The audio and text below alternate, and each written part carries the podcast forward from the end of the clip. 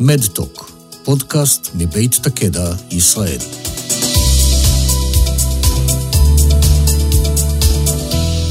שלום לכל המאזינים, שמי עדי חסיד, מנהלת היחידה לטיפול זוגי ומשפחתי בשיבא, אה, וראשת תוכנית ההכשרה למטפלים מיניים.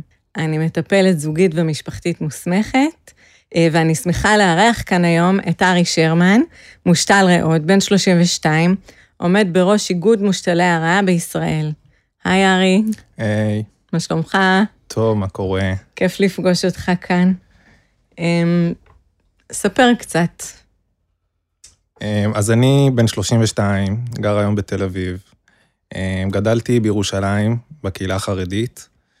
בגיל 24, כשאני בשידוכים, פוגש ומחפש את, את האישה החסודה, הסתבר לי שאני חולה בסרטן מסוג לימפומה הודשקין. אמרו לי שזה סרטן מאוד מאוד קל, היינו מאוד אופטימיים. ועברתי במשך אה, חצי שנה טיפולים כימותרפיים, וחשבנו שסיימנו והכל בסדר. באותה תקופה הייתי בשידוכים, וכשחליתי הבנתי שבעצם די אכלתי אותה בכל מה שקשור לשידוכים במגזר החרדי. זה משהו שמתכוננים אליו במשך שנים בתור בחור ישיבה, ואחרי שאתה חולה בסרטן, אתה מבין שאתה כבר נמצא במקום מאוד מאוד בעייתי מבחינת המגזר, כי על הנייר אתה כבר לא במצב טוב, גם אם אתה הכי... סחורה פגומה. סוג של סחורה פגומה, ואתה גם מקבל הצעות של סחורות פגומות בהתאם, שזה מאוד מאוד שבר אותי, ואם עד אז הייתי באיזושהי סוג של שאלה עם עצמי לגבי העתיד שלי, אז זה די דחף אותי אה, לצאת למסע אחר ולבדוק אם זה מתאים לי. אה, באיזשהו שלב אה, נסעתי לארה"ב לאיזשהו טיול, חזר, ושם התברר לי שאני חליתי שוב.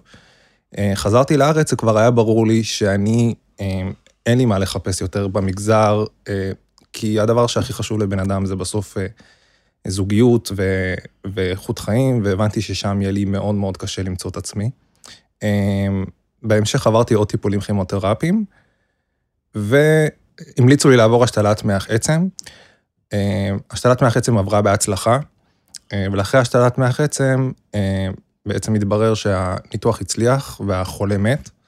הריאות שלי התחילו לדרדר לאט-לאט. באותה תקופה הייתי ממש אבוד. מצוקה נשימתית מאוד גדולה, בעצם מאבד תקווה, אה, הרופאים כולם מסתכלים עליי בעיניים אה, ריקות, ואתה לאט לאט מבין שהמצב לא טוב ואין גם דרך חזרה. אה, התחילו לדבר איתי על השתלת ריאות, וזה היה שלב שאתה בהכחשה, אתה לא רוצה לשמוע את המילה הזו. עד שבאיזשהו שלב כבר לא הייתה ברירה, ואתה בעצם מבין שאתה, זה, זה, זה או או-או. או זה או כלום. או כלום, ועברתי, נכנסתי להשתלת ריאות פה בארץ, אה, בבית החולים בלינסון. אה, קיבלתי תרומה של שתי ריאות, אה, ומאז אפשר לומר שחזרתי לחיות מחדש. אחרי ההשתלה עשיתי שינוי מאוד משמעותי בחיים שלי, גם באורח חיים וגם במקצוע. הלכתי ללמוד פיתוח תוכנה ונכנסתי לעולם של הייטק וטכנולוגיה. ועברתי לגור בתל אביב, אה, ובמקביל אה, היה לי חוסר מאוד מאוד גדול לפני ההשתלה אה, בתמיכה ובעיקר במידע לקראת מה אני הולך, ולא לא היה לי עם מי לדבר. אז בעצם אחרי ההשתלה התחלתי לאגד קהילה של מושתלי ריאה בקבוצות, ובעצם יצרתי קהילה מאוד מאוד גדולה של מושתלים, של כמה מאות מושתלי ריאה, ובמקביל גם קהילה מאוד גדולה של מועמדים להשתלה. בהמשך זה התפתח לעמותה שפתחנו השנה, ואני גם, גם בזה מאוד מאוד עסוק היום. בעצם העמותה נותנת מענה למה שלך לא היה, להתייעצות, לשאלות, לתמיכה, להרגיש שיש עוד כמוני. היא בעיקר, אה, בשיח ב, ב, בין המושתלים זה בעיקר מנרמל את המצב. אנחנו מנרמלים אחד לשני את התופעות, את התחושות, את הכאבים, את, ה, את הכל בעצם, את התורים, את התסכול. אה, בעיקר מנרמלים, זה היה משהו שהיה מאוד מאוד חסר, בעיקר בתופעות לוואי המיוחדות שלנו. אה, ומאוד מאוד תומכים ומלווים מועמדים, שזה בשביל מועמד, אה, לראות מושתל ולשמוע מושתל ולהבין את איכות החיים שלו מהמושתל ישירות, אני חושב שזה הדרייב הכי גדול להיכנס להשתלה. לראות את האחרי. ולהבין מה זה להיות אחרי אומר. ואיך זה נראה אחרי, ושזה כדאי, שזה יותר טוב ממה שקורה ושזה פחות נורא ממה שזה נשמע, ושזה אומנם דרך מאוד קשה, אבל היא שווה את זה. אני חושבת על מה שאתה אומר, שבעצם בשביל זה אנחנו כאן. לקחת את מה שאתה מביא, את, ה, את הנרמול הזה, אה, שאלות שעולות, היכרות מהמצ... עם, עם כל המצבים אה, שקשורים בזוגיות ומיניות, ו, ורגע להכיר ולדבר את זה. אמ, אז אני חושבת עליך, בחור צעיר, רווק, אחרי השתלה, מבין שקיבלת את החיים שלך בחזרה, ומה קורה אז? בשלב הראשון שאחרי ההשתלה, אנחנו צריכים עוד אה, להתאושש אה, כמה חודשים, אתה בכלל לא חושב על כלום, אתה, לא, אתה לומד להכיר את הגוף שלך מחדש.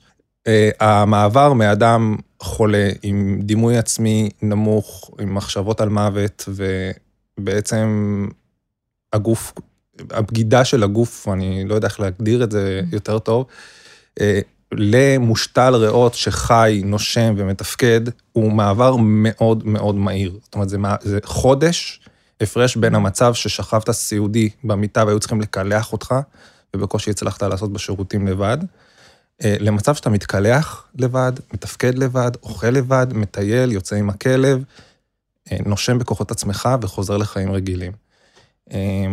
אה, לוקח כמה חודשים טובים לבנות את ה... מערכת יחסים הזו, עם הגוף, עם עצמך.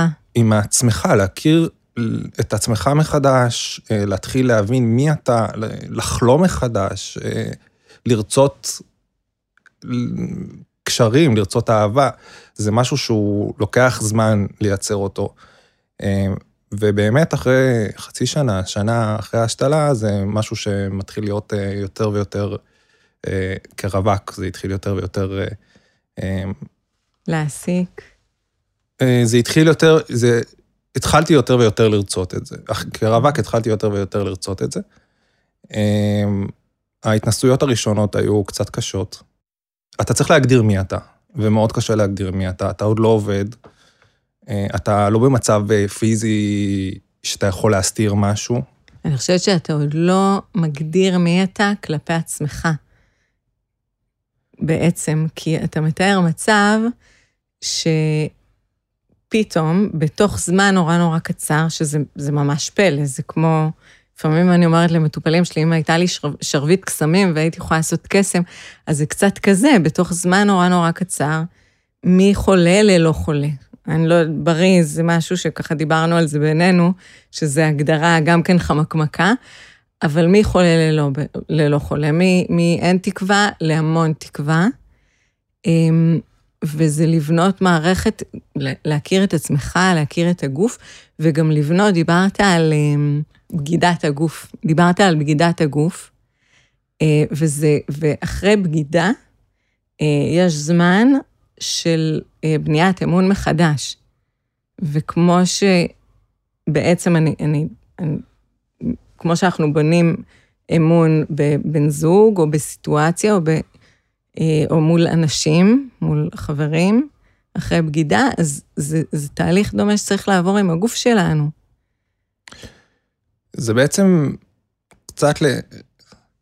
הייתי מגדיר את זה שאנחנו לפני ההשתלה חושבים שאנחנו הולכים לחזור להיות מי שהיינו, ואחרי ההשתלה אנחנו מבינים שאנחנו לעולם לא נהיה אותו אדם, וזה בעצם להכיר אדם חדש, ולוקח לא מעט זמן אה, להכיר את עצמנו. אם בנינו את זה, בניתי את זה 28 שנה קודם עד אותו אדם, אז עכשיו זה לוקח זמן לבנות את זה, ומאוד קשה גם להביא את עצמך לתוך קשר, או לתוך דייט אפילו הכי ראשוני וקליל שיש, כי אתה לא יודע מי אתה, אה, ואתה מנסה להגדיר מי אתה, ויש גם הרבה דברים שאתה כן יודע, ואתה לא יודע, אתה חושש לדבר עליהם, אתה אה, חושב, חושש שזה יפחיד, השתלת ריאות, נשמע קצת קריפי במרכאות, הייתי אומר, ואתה מנסה לחשוב איך אתה מביא את הדבר הזה לתוך, בצורה קלילה, לתוך קשר.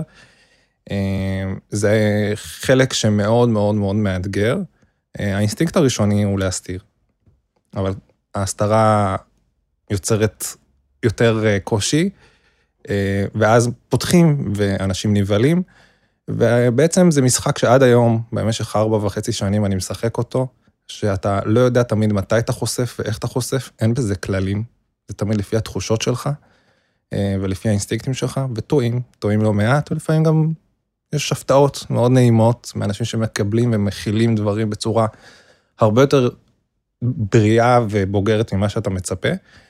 אמ, וזה ניסוי וטעייה בין בני אדם, זה משהו שאי אפשר לצפות אותו.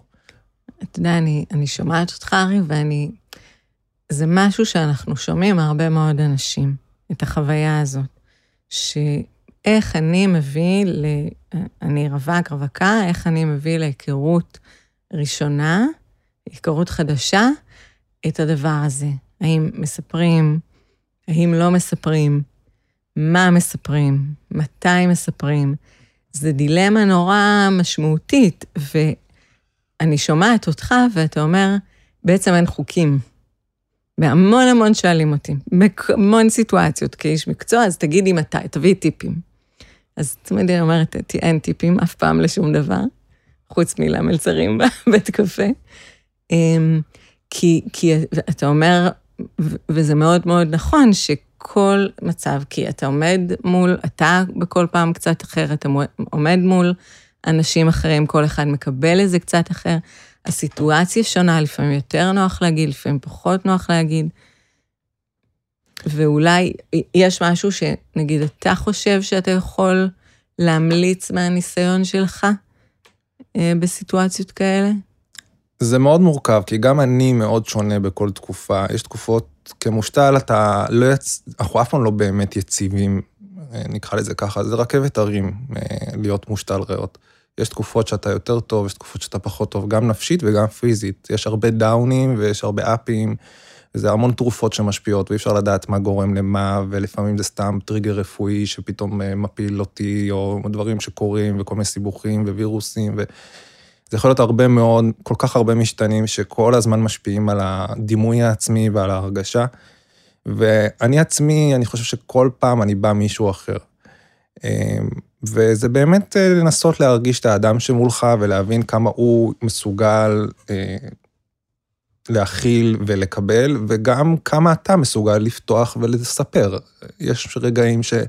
אני מאוד מוצף רגשית, ואני לא אהיה מסוגל לדבר על זה כמעט, ויש רגעים, וזה ממש יכביד על השיח ועל האינטראקציה, ויש רגעים שזה, אני יכול מאוד מאוד להקליל את זה, אני מגיע עם המון ביטחון עצמי, עם דימוי עצמי גבוה, ואני ממש יודע לעשות עם זה כלום. זה מאוד מאוד uh, תלוי. לא הכל חושפים אף פעם מיד, זה תמיד נכון, אני תמיד חושף בשלבים. זאת אומרת, אני יכול להגיד אותך, אני חוזר בשאלה, אחרי זה להגיד שהיה לי סרטן, אחרי זה היה לי עוד סרטן. וכאילו באיזשהו מקום לאט לאט חושפים את זה. כמו ביצת הפתעה, כל פעם. ממש, כמו בבושקה כזאת שנפתחת ויוצאת כל פעם עוד איזה, כן. עוד, עוד דמות. אמ, לפעמים אני משאיר את זה לשלב של באמת אחרי כמה דייטים. אחרי שכבר היינו ביחד קצת, ובילינו, ו... ואז כאילו זה פחות מאיים, כאילו היא כבר מכירה אותי, היא ראתה מי אני, ואני נותן, אני חושב שהדבר הכי חשוב שאני יכול, כן, אני אומר לעצמי, זה לתת אפשרות להכיר אותי לפני שאני חושף את זה. זאת אומרת, להביא את עצמי לפני שזה הדבר הראשון שפוגשים מולי. כשזה הדבר הראשון שפוגשים וזה הרושם הראשוני, זה מאוד מרתיע, וזה... גם אני הייתי נרתע. אבל כשאני כן מביא את עצמי ונותן הזדמנות להביא את עצמי, אז לפעמים אני כן בכוונה לוקח את זה ומעדכן, אולי זה קצת לא הוגן, אבל אני כן אומר את זה בשלב טיפה יותר מאוחר, כדי לתת צ'אנס לבן אדם מולי להכיר אותי מעבר לסיפור. וגם אולי לתת צ'אנס לעצמך להיות אתה, לפני שאתה המחלה, או המצב, או ההשתלה. ואני חושבת שאם אני מקשיבה לך בקשב רב ו- ולוקחת מתוך זה ואומרת, בוא ננסה לגזור איזה כלל אצבע מהדבר הזה, אז זה המשפט, אני חושבת, הראשון שאמרת, אה, שזה, אני ער למה שהיא, איך היא, מה היא, אבל אני ער גם למה שאני, לאיך שאני באותו יום, למה שנכון עבורי. ואני חושבת ש, שזה אפשר ממש להכתיר לעשות שלט עם אה, זה פה, לתלות מעל הדלת, כי זה להיות קשור, קשוב לעצמי.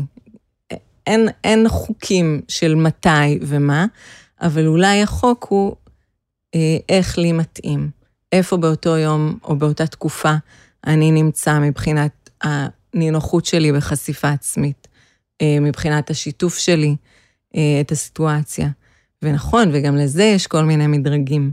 יכול להיות שבתקופה אחת יהיה לך יותר נוח לחשוף ולשתף, בתקופה אחרת יהיה פחות נוח, או שזה יגיע יותר מאוחר. אה, אז אני חושבת, להיות קשוב לאני פה, זה נורא נורא משמעותי. זה מאוד נכון. אה, כמושתלים אנחנו חווים אה, המון קושי, המון תהליך מאוד מאוד גדול עם עצמנו, שהוא לא נגמר לבינתיים בארבע וחצי שנים שאני מושתל, עם הקבלה של הגוף שלנו, אה, עם הקבלה של האיבר החדש, אה, עם הקבלה של השבריריות של הגוף שלנו, אה, של המערכת חיסון שלנו, עם הרצון לחלום והפחד לחלום, עם הרצון לאהוב את עצמנו והפחד מהגוף שלנו. אנחנו חווים איזה קונפליקט שלא נגמר בתוכנו כמושתלים. זאת אומרת, אנחנו, גם אם יש שבוע שאני ממש טוב בו, אה, ואני כבר בתוך מערכת יחסים, עדיין אני יכול למצוא את עצמי פתאום בתוך המערכת יחסים, פתאום רוצה להתרחק, ולא בגלל שאני רוצה להתרחק, שאני רוצה להתרחק מהפרטנרית שלי, בגלל שאני בתוך עצמי אה, התרחקתי, או לא, לא מסתדר עם עצמי רגע עם המחשבות שלי, עם הרגשות, זה מאוד מטלטל, כי אין תשובה חד משמעית לרגשות ולטלטלות האלו. אה, וגם ואני שומע את זה מהרבה מושתלים, שהם חווים הרבה מאוד uh, תהליכים בתוך עצמם של קושי גם עם ה... לפעמים זה טריגרים של התרומה, של האיבר, לפעמים זה טריגרים של הפח, הפחדים שעברנו והטראומה. אה, ממה יהיה בעתיד, ו... ולהיקשר לאנשים. בא לי לעצור אותך, כי אני חושבת שכל דבר שאתה אומר, זה פודקאסט בפני עצמו, פרק בפני עצמו, אה, כי זה נורא נורא משמעותי. אתה מדבר על, על מין פערים, חלקים כאלה בתוך עצמי, שלפעמים בהתרחקות שלהם אני מתרחק מעצמי, אה, ו, ולפעמים בהתקרבות שלהם יותר קל לי להתקרב לעצמי, וזה נורא משמעותי, כי גם דיברת על השפעה של תרופות, וגם דיברת על החוויה של, של איבר, להיות מושתל, זה בעצם שבתוך הגוף שלי, שבסדר, אמרנו, בגידה והכול, יש גם, גם ככה יש שם אישוז, אה, ועל כל זה, לקבל חלק של, שהוא לא אני. אמ, שהוא אני חדש. שהוא אני חדש. כן, אני, אני, אתה יודע מה, אני אפילו רוצה, אתה אומר, אני חדש, זאת החוויה שלך, אני רוצה רגע להרחיב את החוויה, וזה חשוב אולי בנקודה הזאת להגיד שבשיחה הזו שלנו, אה, אתה מביא את עצמך ואנחנו מנסים אה, לפרוס את שלל, את מגוון המצבים שיכולים להיות, גם ספציפית של עצמך וגם בכלל, שאתה מכיר, שאני מכירה אה, מעוד מקומות, כדי שמי שמקשיב לנו, הקהל בבית, היי לכם, ימצא את עצמו, וזה אומר שיכולים להיות דברים בתוך השיחה שלנו שתרגישו מאוד מאוד מתחברים. ויכולים להיות דברים בתוך השיחה שלנו אה, ש, שנראים לכם בכלל לא קשורים לעצמכם, והכל נכון. אנחנו ככה פורסים את מה שיש, ו, וחשוב להגיד שכל אחד ייקח מה שכרגע נכון לו לעצמו, ואולי בעוד חצי שנה או שנה או חודשיים אה, יחשוב לקחת דברים אחרים שיהיו רלוונטיים עבורו אז, או עבורה. אה, אז דיברנו על הגוף, שאמרת על ה... אני דיברתי על החלק שהוא איבר אחר, שאמרת לי. של התרופות ושל האיבר האחר. ו- ואז אמרת, כן, אני חווה את זה לא כאיבר אחר, אלא כמשהו אחר שבתוך עצמי. אה? סתם הערה, לא. לא, אני חושבת שזה סופר, כי ההערה הזאת שלחה אותנו לשם. לזה שכל אחד יכול לחוות את זה. נכון. אה, אבל באמת אנחנו שומעים שיש גם אנשים שחווים את זה, כי יש איבר אחר בתוכי. אה, זה, זה יכול להיות איבר של מישהו אחר או איבר של, אה, אני מכירה את זה נגיד ממושתלות שד, שיש איבר אחר שהוא אולי לא של מישהו אחר, אבל הוא מאוד זר. לוקח זמן והוא חיצוני והוא מורגש ולוקח זמן להתרגל, לוקח זמן להתרגל שיש בתוך הגוף שלי משהו אחר.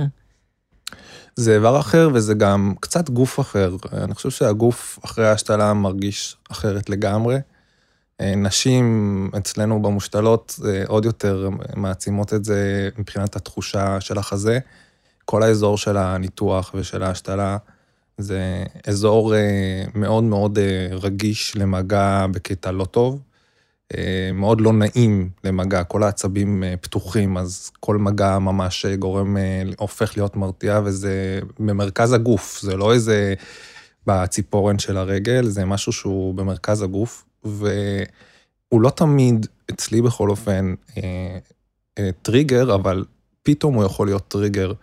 וזה מאוד, אה, לפעמים מאוד מאוד קשה להסביר לפרטנרית למה הרגע אה, לא יתקרב, או מה פתאום לא נעים לי ש...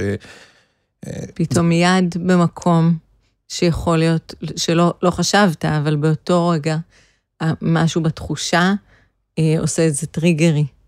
אמ, כן, זה כאילו מאוד לא, מאוד לא נעים לגעת ולהרגיש שמישהו דוחה אותך פום, באינסטינקט. אה, זו הרגשה לא נעימה תמיד, בפרט אה, בתוך מערכת יחסים, וזה משהו שצריך, לוקח זמן להבין, וגם גורם לנו, לי כמושתל, להרגיש רגע איזה סוג של אה, דחייה כזו, או איזה סוג של הרחקה. ובכלל, כל, ה, כל הגוף מרגיש בצורה ממש אחרת, ואני יכול להגיד שזה לא, לא הגוף שאני הכרתי, וזה לא אותו גוף כל הזמן. זאת אומרת, התחושות וה, וה, והמצב הפיזי שלי משתנים כל הזמן, שמאוד מאוד קשה להעביר לפרטנר כל פעם מראש מה, איפה אתה נמצא כרגע. אה, וצריך הרבה תקשורת, ובפרט לי בתחילת קשרים זה מאוד מאוד קשה. אה, לא תמיד אני מרגיש בנוח עם הגוף שלי. אה, יש ימים שלמים שאני יכול להרגיש ממש לא נעים בתוך הגוף שלי. זה יכול להיות קשור לאיזו תופעת לוואי שפתאום מתגברת, לאיזו תרופה, לבעיות, כל מיני בעיות שאני לא אפרט פה, אבל זה יש רגעים, הרבה מאוד אה, רגעים שאני מרגיש מאוד מאוד לא נוח, ויש רגעים שאני מרגיש ממש בסדר. והתקשורת הזאת ולתקשר את זה ולהעביר את זה, אני חושב שגם לעצמי לפעמים קשה לי לתקשר את זה ולהעביר את זה, אז בוודאי שגם לפרטנרית. אני חושבת, אתה יודע מה שאתה אומר, זה סופר סופר חשוב. כי עוד פעם, אתה אומר קודם כל לעצמי, ואז לתקשר את זה החוצה. וכשיש השתנויות כל הזמן, זאת אומרת, יכול להיות שיום אחד אני אהיה טוב עם הגוף שלי, ויום אחרי, מגע, אפילו מגע שלי בעצמי, יהיה נורא טריגרי. ואני יכולה לשתף אותך שהמון פעמים מה שאנחנו עושים בטיפול, אני מטפלת מינית, אנחנו עובדים הרבה עם הגוף, כן? לא, לא נוגעים במטופלים בחדר, אבל אה, שולחים אנשים אה, למשימות בית כאלה, ואחד הדברים זה לעשות באמת איזשהו קשר מחדש ממש פיזי עם הגוף. זה אומר אה, להניח יד במקלחת, או כשאנחנו, לא יודעת, אחרי מקלחת קרם גוף, אה, להניח יד, אה, להרגיש את התחושות האלה ורגע לנשום אותן ולהתרגל אליהן. ולראות, וגם ברגע, אם את תעמוד חמש דקות ותניח את היד במקום שיותר מורכב להניח את היד אליו, ו- ו- ולתת לזה כמה דקות, במהלך הכמה דקות האלה יש שינוי, יש השתנות של החוויה הזו. אה, וזה ממש, אנחנו עובדים דרך זה, וכשאני חושבת על צירוף של, אה, של פרטנר או פרטנרית לסיטואציה הזו, אה, זה ממש ככה, ו... דיברנו ככה לפני השיחה הזו בינינו, ואמרת, אני רוצה גם להכניס את המקום של אנשים בזוגיות ארוכה, לא, לא רק של רווקים ש, שעושים זוגיות חדשה, ואני חושבת שזה מקום נהדר, גם פה וגם אולי כנראה בהמשך, אבל להזכיר את זה, כי גם בתור, גם אנחנו חושבים שאנחנו חיים עם מישהו, אה, חיים שלמים, מישהו, מישהי, חיים שלמים, ועברנו אה, מחלה, ועברנו השתלה. ועכשיו אנחנו כאילו במקום שאנחנו יכולים לנשום לרווחה, והנה התקווה חזרה, החיים חזרו, ואז אתה אומר, רגע, אבל יש עליות ויש ירידות, ולפעמים הגוף הוא טריגרי, וכל כך חשוב לדבר את זה, אה, ולנסות לשתף בחוויה הזאת שאתה מדבר עליה, אה, שהיא חוויה מאוד מוזרה. ו- ושגם אתה את עצמך לא תמיד מכיר אותה עד הסוף. אה, וכל פעם לעצור ולהגיד את זה, או לעשות את התרגילי מגע האלו ביחד.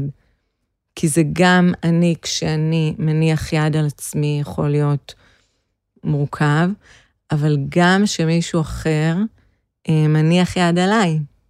מה שאמרת, לפעמים פרטנרית פתאום ככה רוצה, ואתה רגע מרגיש שאתה צריך להתרחק לא בגללה, בגללך, או לפעמים כן בגללה. אה, החשש שפתאום אה, יד תיגע בצלקת ואולי זה יפחיד ואנחנו כבר חושבים על, על השני, זה באמת מצבים נורא נורא מורכבים, והדרך היחידה שאנחנו, יש המון דרכים לעשות את זה, אבל הרעיון הוא לתת להם מקום ולעבוד מתוכם. אז זה, זה לנשום, וזה לדבר, וזה להניח, וזה רגע להתרגל, וזה להכיר את התחושות האלה. אני חושב שגם בתוך כל הדבר הזה מגיע גם הרבה מאוד תסכול אה, שלי כמושתל אה, מהגוף שלי, ולא תמיד יש לי כוח אה, להתמודד עם התופעות לוואי. והתסכול הזה מביא לחוסר חשק בכלל ממני ומהגוף שלי ומלהתעסק איתו ולאיזשהו דאון שהוא נפשי, שהוא מעבר לתחושה הפיזית. ולא תמיד קל בכזה מצב לבטא את עצמי ולהסביר את עצמי. אני לא יודע איך זה במערכות יחסים ארוכות, ו... אבל אצלי אני מרגיש שהרבה פעמים מאוד מאוד קשה לי, ואין לי סבלנות להתחיל להסביר עכשיו מה אני חווה ולהתחיל לפרט. אני כן מוצא ששואלות אותי לפעמים מה קורה, ואני פשוט לא מסוגל להתחיל, פשוט אני מלא מלא תסכול ונכנס לאיזשהו דאון, שזה משהו שבכלל אני זוכר עוד מתקופת הסרטן, ובכלל במחלות כרוניות.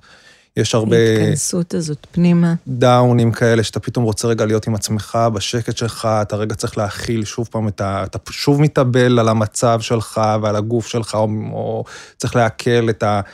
לקבל את עצמך.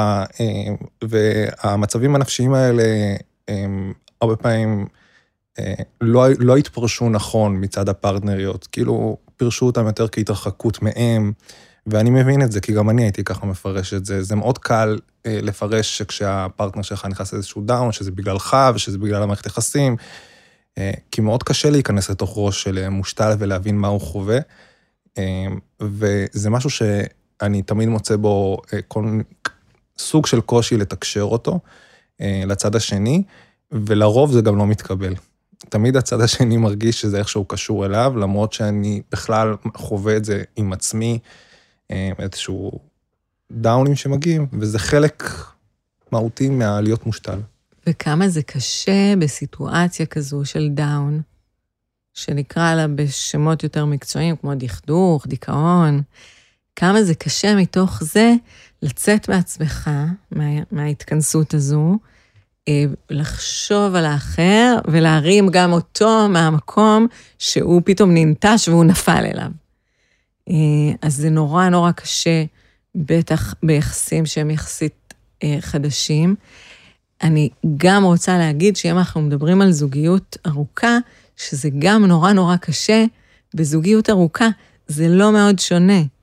אה, כי עברנו כל כך הרבה, והנה, עוד פעם זה קורה. ואמרת משפט שאני חושבת שגם כן ככה נמרקר אותו, כי זה כל פעם מחדש לעבור את האבל הזה. כל פעם שהגוף מזייף, זה עולה, עולים כל הדברים של חוסר אמון בגוף, עולה טראומה. בסוף אה, זה, המחלה היא, היא מחלה מסכנת חיים, היא טראומה. מצב מסכן חיים הוא טראומה. וכל פעם שהגוף מגיב לתרופות, ל... יש איזושהי נסיגה, יש איזו, איזושהי התלקחות של סיטואציה פיזיולוגית, אה, גם זה עולה. ואז בתוך זה עוד איכשהו לצאת מתוך זה החוצה ולהגיע לאחר שבאמת מרגיש ננטש באותו רגע, אה, והלך לאיבוד איפשהו גם, אולי גם כן התכנס, זה באמת נורא נורא קשה. ומהמקום שלי כמטפלת, מטפלת זוגית ומטפלת מינית, ומטפלת משפחתית, כי לפעמים זה גם במשפחה, זה לא רק זוג, זה משפיע על ילדים אם יש בבית, גם עם ילדים גדולים, זה משפיע על כל המערכת. ואלה נקודות שאני ממש מציעה הרבה פעמים לאנשים, בואו לטיפול. אה, כי יש גורם נוסף שעוזר שזה לא יהיה עליכם, שזה, שיש מישהו שעוזר לעשות את זה. אה, והרבה פעמים לומדים דרך זה לעשות את זה יותר טוב, ואז מפעם, מפעם לפעם אנחנו קצת משתפרים באיך אנחנו מצליחים, איך אנחנו מזהים את זה, מה עוזר לנו בסיטואציות האלה. אז זה גם ככה נכנס בתוך הדברים. בתחושה שלי, כשאני רואה את הזוגות של המושתלים, זה לא זוגות מושתלים, זה... זוגות של מושתלים. בתחושה שלי, כשאני רואה את המושתלים, דווקא נראה שאחרי כל מה שהם עברו וכל המסע הזה להציל את החיים של הבן או בת הזוג, מאוד מאוד מחזקים אותם, והם נראים לי זוגות מאוד מאוד חזקים ומאוד מאוד אה, בריאים, אני לא יודע באמת, אבל התחושה היא שהם נמצאים במקום מאוד מאוד חזק. ופחות בתוך הדילמות האלה שאני חווה. אני חושבת שאחד זה נכון, אבל המון פעמים מה שקורה, שיש התגייסות נורא גדולה בתוך הדרמה, המחלה, ואחר כך השתלה והחלמה, וההסתגלות, ואז מחכים לאיזה, אפשר רגע להוריד, לשחרר, אמ, אבל לא. והגילוי הזה, כמו שאמרת לעצמך, שהגילוי הזה שלו, שהחיים חזרו, אבל הם נורא שברירים.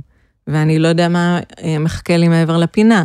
והרכבת הרים הזו, שדיברנו בינינו, בינינו, שסיפרת עליה, שיכול להיות פתאום אה, הרגשה נורא נורא טובה ותקופה פיזית נורא טובה, ופתאום איזה אה, מחלה שמשביתה, דלקת ריאות שמשביתה לחודש. כל הטראומות. אה, או כל הטראומות.